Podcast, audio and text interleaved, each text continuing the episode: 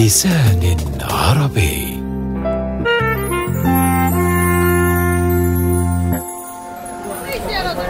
صباح الخير يا حامد.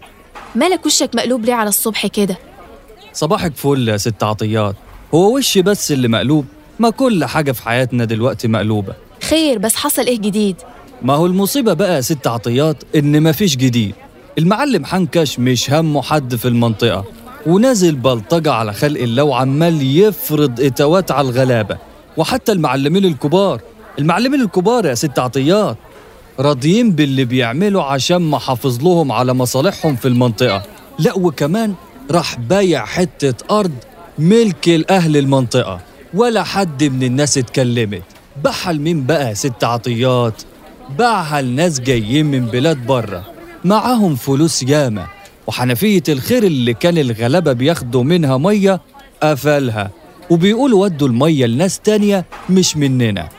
يا مصيبتي كل ده حصل يا حتوتة إمتى؟ إحنا فاكرينه بيحمل حتة وبيحافظ عليها. ما هو المصيبة يا ست عطيات إن الناس شايفة لكن ساكتة وخايفة.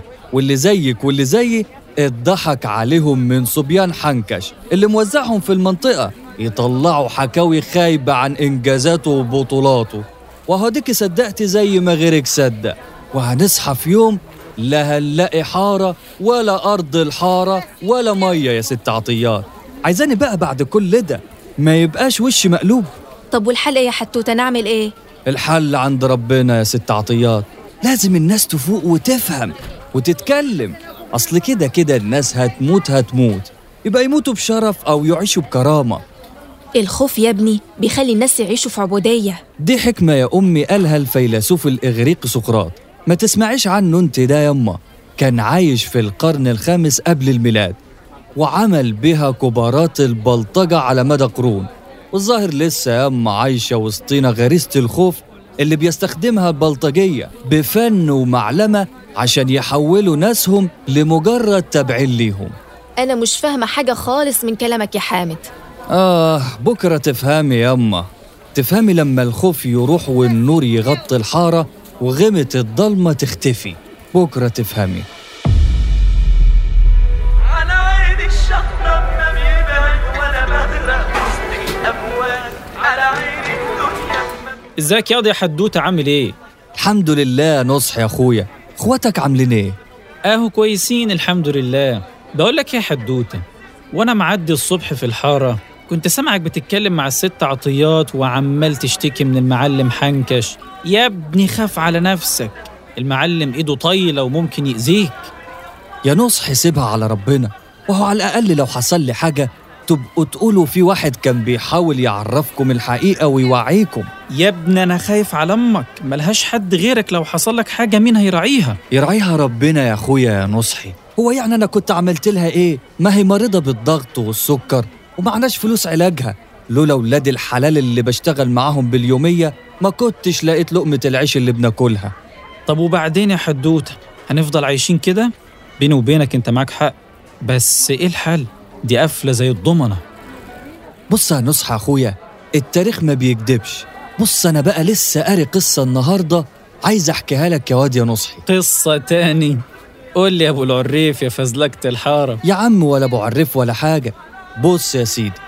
في فرنسا سنة 1529 الناس ضجت من الفقر هناك في مدينة زي مدينتنا اسمها ليون لما رغيف العيش قل من عندهم وبقوا يتخانقوا عليه. الناس قامت بفوضى كبيرة ودخلوا بيوت الناس الأغنياء وسرقوها والدنيا ولعت. ودي كانت بداية هوجة كبيرة قوي في فرنسا والدنيا ولعت وخلت الناس تاخد حقوقها. يا باي سرقه ونهب طب والشيخ الغفر ولا العمدة كانوا فين؟ هاي. شيخ غفر مين وعمدة مين يا عمنا؟ هو لما بيقوم الطوفان حد بيقدر عليه. طب كمل لي كده يا واد يا حدوتة إيه اللي حصل في اليون دي؟ قامت عركة كبيرة قوي في البلد يا ده نصحي والناس ولعت في اللي بيتحكموا فيهم وحكموا هم. يا سلام يا سلام يا واد يا حدوتة لو يحصل الكلام ده عندنا في الحتة ويمشي المعلم حنكش وبلطجيته من الحارة ونحكمها إحنا بقى بما يرضي الله. هيحصل يا عم نصحي بس لما الناس تبقى ايد واحدة ويخافوا ربنا ويعملوا بكلامه ويبطلوا يخافوا من بني آدم واحد متحكم في لقمة عيشهم وحياتهم. تصدق يا واد يا حدوته انت حكاويك حلوة قوي. ما عندكش واحدة تانية؟ في يا عم نصحي تعرف بلد اسمها تشيكي ولا تشيني ولا تشي إيه استنى. تشيني؟ جبنة دي ياض يا حدوته ولا إيه؟ جبنة إيه يا نص. آه بس أنا افتكرت. اسمها تشيلي. دي بلد بعيدة قوي في قارة اسمها أمريكا الجنوبية. هناك بقى يا نصحي في بلطجي اسمه بينوشيه. كان مصمم إن هو ياخد رأي الناس على تجديد تحكمه فيهم لمدة 8 سنين زيادة. عافية كده وبلطجة. زي المعلم بتاعنا ما عامل في منطقتنا. الناس بقى هاجت يا واد يا نصحي. ورفضوا وعملوا هوجة كبيرة قوي. بس راح فيها ناس ياما وعدت السنين لحد ما عكشوه اتشنق يا واد يا نصحي. بس التاريخ مش بينسى يا واد يا نصحي حتى لو المعلم حنكش قعد معانا 100 سنة. إيه؟ أنت عايز المعلم بتاعنا يتحكم فينا ده كله يا حدوتة؟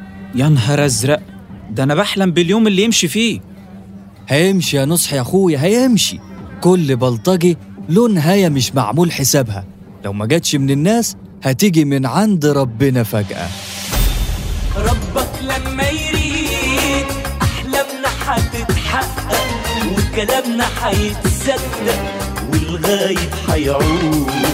ربك لما يريد قلب العاصي يسلم وعيوننا هتتكلم.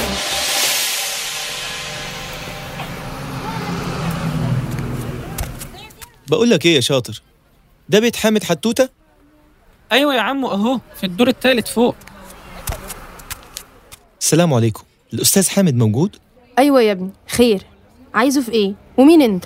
ما تقلقيش يا ام حامد. أنا صحفي عايش في المنطقة هنا وعايز أتكلم بس مع حامد شوية. مين ياما الجدع ده؟ اللي بيحصل الكهرباء ولا إيه؟ قولي له معناش فلوس دلوقتي. يعدي علينا في وقت تاني بقى وخد الكعب منه. كعبي إيه بس يا أستاذ حامد؟ أنا صحفي جاركم في المنطقة. اسمي أحمد أبو دراع. عايز أدردش معاك شوية. والصحافة عايزة مني إيه؟ ما يكونش هيشغلوني مذيع. مش هنفع ياما برضه؟ اتفضل يا ابني. معلش البيت على قدنا.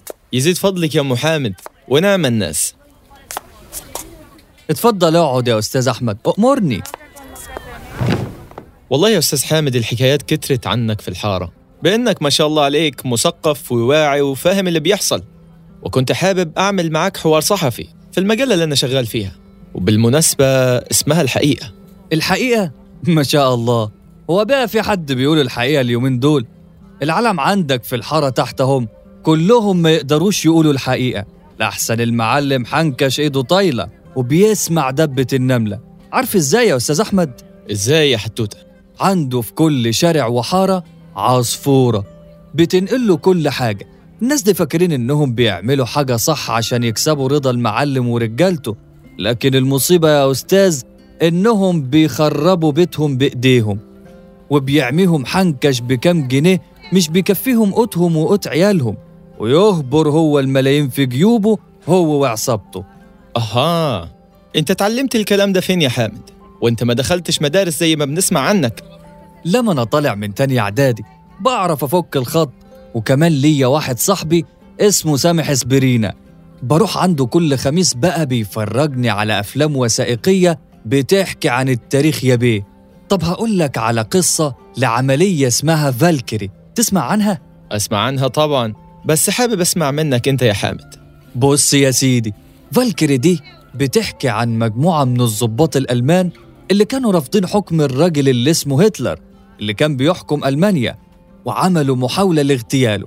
تخيل إنهم فشلوا وتم إعدامهم. بس لحد النهاردة ناسهم وبلدهم بيكرموهم كل سنة عشان حاولوا بس يوقفوا الظلم بتاع هتلر. يعني أنت عايز تعمل زي الضباط الألمان دول يا حامد؟ لا يا أستاذ ناس دي عملت كده عشان توقف الظلم وكان معاهم قوة لكن أنا غلبان ما فيهاش غير لسان. عايز أعمل كده عشان أوعي الناس وأخليهم هم اللي يختاروا مصيرهم. يعيشوا تحت رحمة البلطجي حنكش ورجالته ولا يعيشوا بكرامة وحرية. طب بتعرف يا حتوتة إيه هي أشهر الانقلابات اللي حصلت في التاريخ؟ أيوة يا باشا. ده شكلك كده يا أستاذ أحمد عايز تودينا في داهية. دي موجودة زي ولا حاجة استنى بس استنى. دي موجودة من أيام نابليون بونابرت. نابليون بونابرت مرة واحدة؟ آه لما رجع من حملته العسكرية المشهورة في مصر للإطاحة بالناس اللي بيحكموا. اسمع المقال ده بيقول إيه. سمعني يا أستاذ حامد. بص كده بص المقال بيقول إيه؟ بطلع لك المقال أهو. بدعم من عدة متآمرين زي شوية الدراويش اللي حوالين المعلم حنكش في منطقتنا كده. مصلحجية من الآخر. رتب بقى نابليون عقد جلسة تشريعية خاصة خارج باريس. أعرب فيها عن أمله في إن يسلموا المجلس التشريعي زمام الحكم. بمزيج من أساليب الإغراء والترهيب والرشوة. ده مش كلامي ده كلام المقال يا أستاذ أحمد. أنا عارف عارف يا أستاذ حامد. كمل كمل. هكمل أهو. بيقول لك بقى على الرغم من إن مجلس النواب أساء معاملته وطردوا من الغرفة وهم بيزعقوا اطيحوا بالديكتاتور اطيحوا بالديكتاتور إلا إنه استطاع إنه يوصل للحكم. بمساعدة مين؟ بمساعدة الجيش. بعدها عين نفسه القنصل الأول. وفضل يتخبس كده لحد ما وصل للسلطة وتوج نفسه امبراطور على فرنسا. امم وانت تعرف نابليون مات إزاي يا حتوتة؟ آه ما هي دي الزتونة بقى بإن أي بلطجي نهايته معروفة. المعلم ده في نهايته فيها جدل كبير لحد النهاردة. هل مات مسموم ولا مات بالسرطان؟ ولا انتحر عشان يتخلص من حياته بعد نفيه لجزيرة القديسة هيلانا. المستعمرة البريطانية. عاش هناك ست سنين قبل ما يتكل على الله من غير ما حد ما يعرف السر لحد دلوقتي. عارف يا حامد انت لو في منك ثلاثة في الحارة ما كانش ده هيبقى حال الناس هنا. في يا باشا في. بس الخوف الخوف ده بقى مرض الشعوب ومصيرهم هيجي يوم ويفوقوا. وجهة نظرك تحترم يا حتوتة. القعدة معاك بصراحة ما يتشبعش منها. هحكي لك قصة صغيرة كده بس يا باشا قبل ما تمشي. هتعجبك قوي زمان كان في إمبراطور في اليابان بيلعب ملك وكتابة قبل كل حرب بيدخلها مع أي عدو. فلو طلعت على الوش اللي فيه صورته يقول للجنود سوف ننتصر. لكن لو طلعت على الوش اللي فيه الكتابة فكان بيقول للجنود هنتعرض لهزيمة ساحقة. ولكن الغريبة في الموضوع بقى إن حظ الإمبراطور ما جلاش مرة واحدة. كان دايما تطلع معاه ملك لغاية ما بينتصروا بالفعل. وبيهزموا العدو هزيمة ساحقة. مرت سنين طويلة والإمبراطور العظيم بيحقق انتصار ورا التاني ولما عجز وعدى عليه العمر وحس إن أجله قرب وهو بيحتضر دخل عليه ابنه ولي العهد من بعده. وقرب منه وقال له يابا عايز منك القطعة النقدية اللي كنت بترميها قبل كل حرب عشان أحقق الانتصارات زيك. وواصل عملك العظيم تجاه دولتنا. طلع الإمبراطور من جيبه قطعة النقود واداها لابنه. بص الابن كده لقطعة النقود وقلبها في إيده. الوش الأول كان فيه الصورة ولما قلب الابن القطعة على الوش التاني كانت صدمة كبيرة قوي له. ليه بقى؟ لأن الوش التاني كان فيه صورة برضه. الابن غضب وزعق في أبوه. انت خدعت الناس طول السنين دي كلها اللي هقوله لهم دلوقتي. أبويا البطل مخادع فرد الإمبراطور وقال له أنا ما خدعتش حد يا ابني. دي الحياة يا ابني. لما تخوض حرب لازم يكون عندك خيارين يا إما الانتصار أو الانتصار. الهزيمة بتتحقق بس لو آمنت بيها وفكرت فيها وحسيت بالخوف منها. أما النصر بيتحقق لو وثقت بيه من غير شك. بص يا أستاذ أحمد ما بنتغلبش على هموم الحياة بالحظ لكن بالثقة بالله وإرادة النفس. الله جميلة الحكاية دي يا حتوتة. أول مرة أسمعها. ده مثال صغير يا باشا. التاريخ مليان قصص بس الناس مش عايزة تسمع حاجة تفوقها. عايزين يسمعوا بس اللي يفضل معيشهم في وهم الرضا. حتى ولو كانوا غرقانين في الذل والمهانة زي أهل الحارة هنا معايشين أنا انبسطت جدا يا حتوتة بالقعدة دي وأتمنى تتكرر تاني. هتتكرر بإذن الله. بس عايزك تفهم حاجة بقى واحدة كده إن لو آخر كلام ليا في الدنيا دي هيبقى عن الحرية.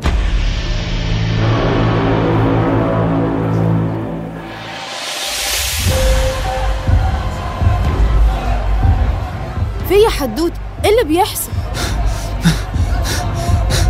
مش عارف يما أنا صحيت مخضوض. في إيه؟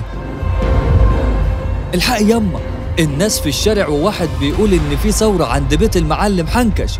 الناس شكلها فاقت يما يعني الناس فاقت يما الناس فاقت ورايحة تاخد حقها من اللي عيشهم في ذل وقهر وفقر. أنا مش مصدق نفسي يما التاريخ بيعيد نفسه. لازم لكل بلطجي نهاية ولازم لكل ظالم آخر. الحمد لله يما النور هيدخل بيوت الحارة أخيرا أخيرا يما هنشم هوا نضيف. يا ما أنت كريم يا رب. عارفة يما في اللحظة دي جت على بالي جملة قالها الشهيد البطل عمر المختار. إني أؤمن بحقي في الحرية وحق بلادي في الحياة. وهذا الإيمان أقوى من كل سلاح.